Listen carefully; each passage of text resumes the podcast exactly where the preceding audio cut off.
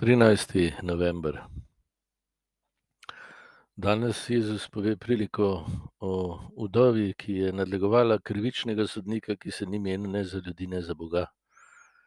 Tipično primer mogočnih eh, in močnih tega sveta.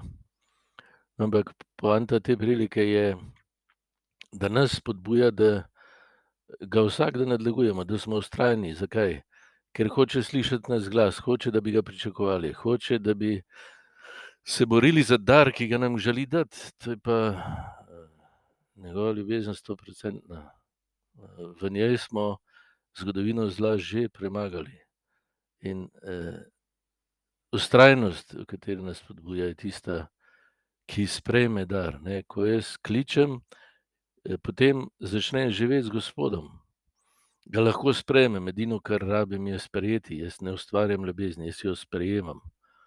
No, vemo, da človeški odnosi so ravno tako, ravno zaradi tega naporni. Jaz ljubezni drugega ne morem sproducirati, ampak jo sprejemam, e, si jo želim, se trudim za njo, e, se trudim, da bi jo sprejel, seveda.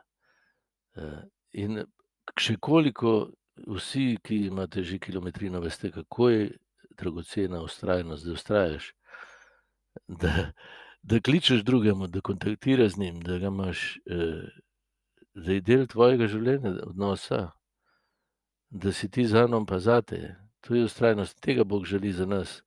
Zato nas vabi po evangeliju, ki ga danes beremo, eh, da sprejmemo, da krepenimo da želimo. Gospod pride, če krepenimo po njem, drugače pa ne more. Nekdo, ki ga ne maraš, ki ga ne pričakuješ, ne more postati del tvojega življenja. Ravno tako spoštljiv je tudi Bog. thank you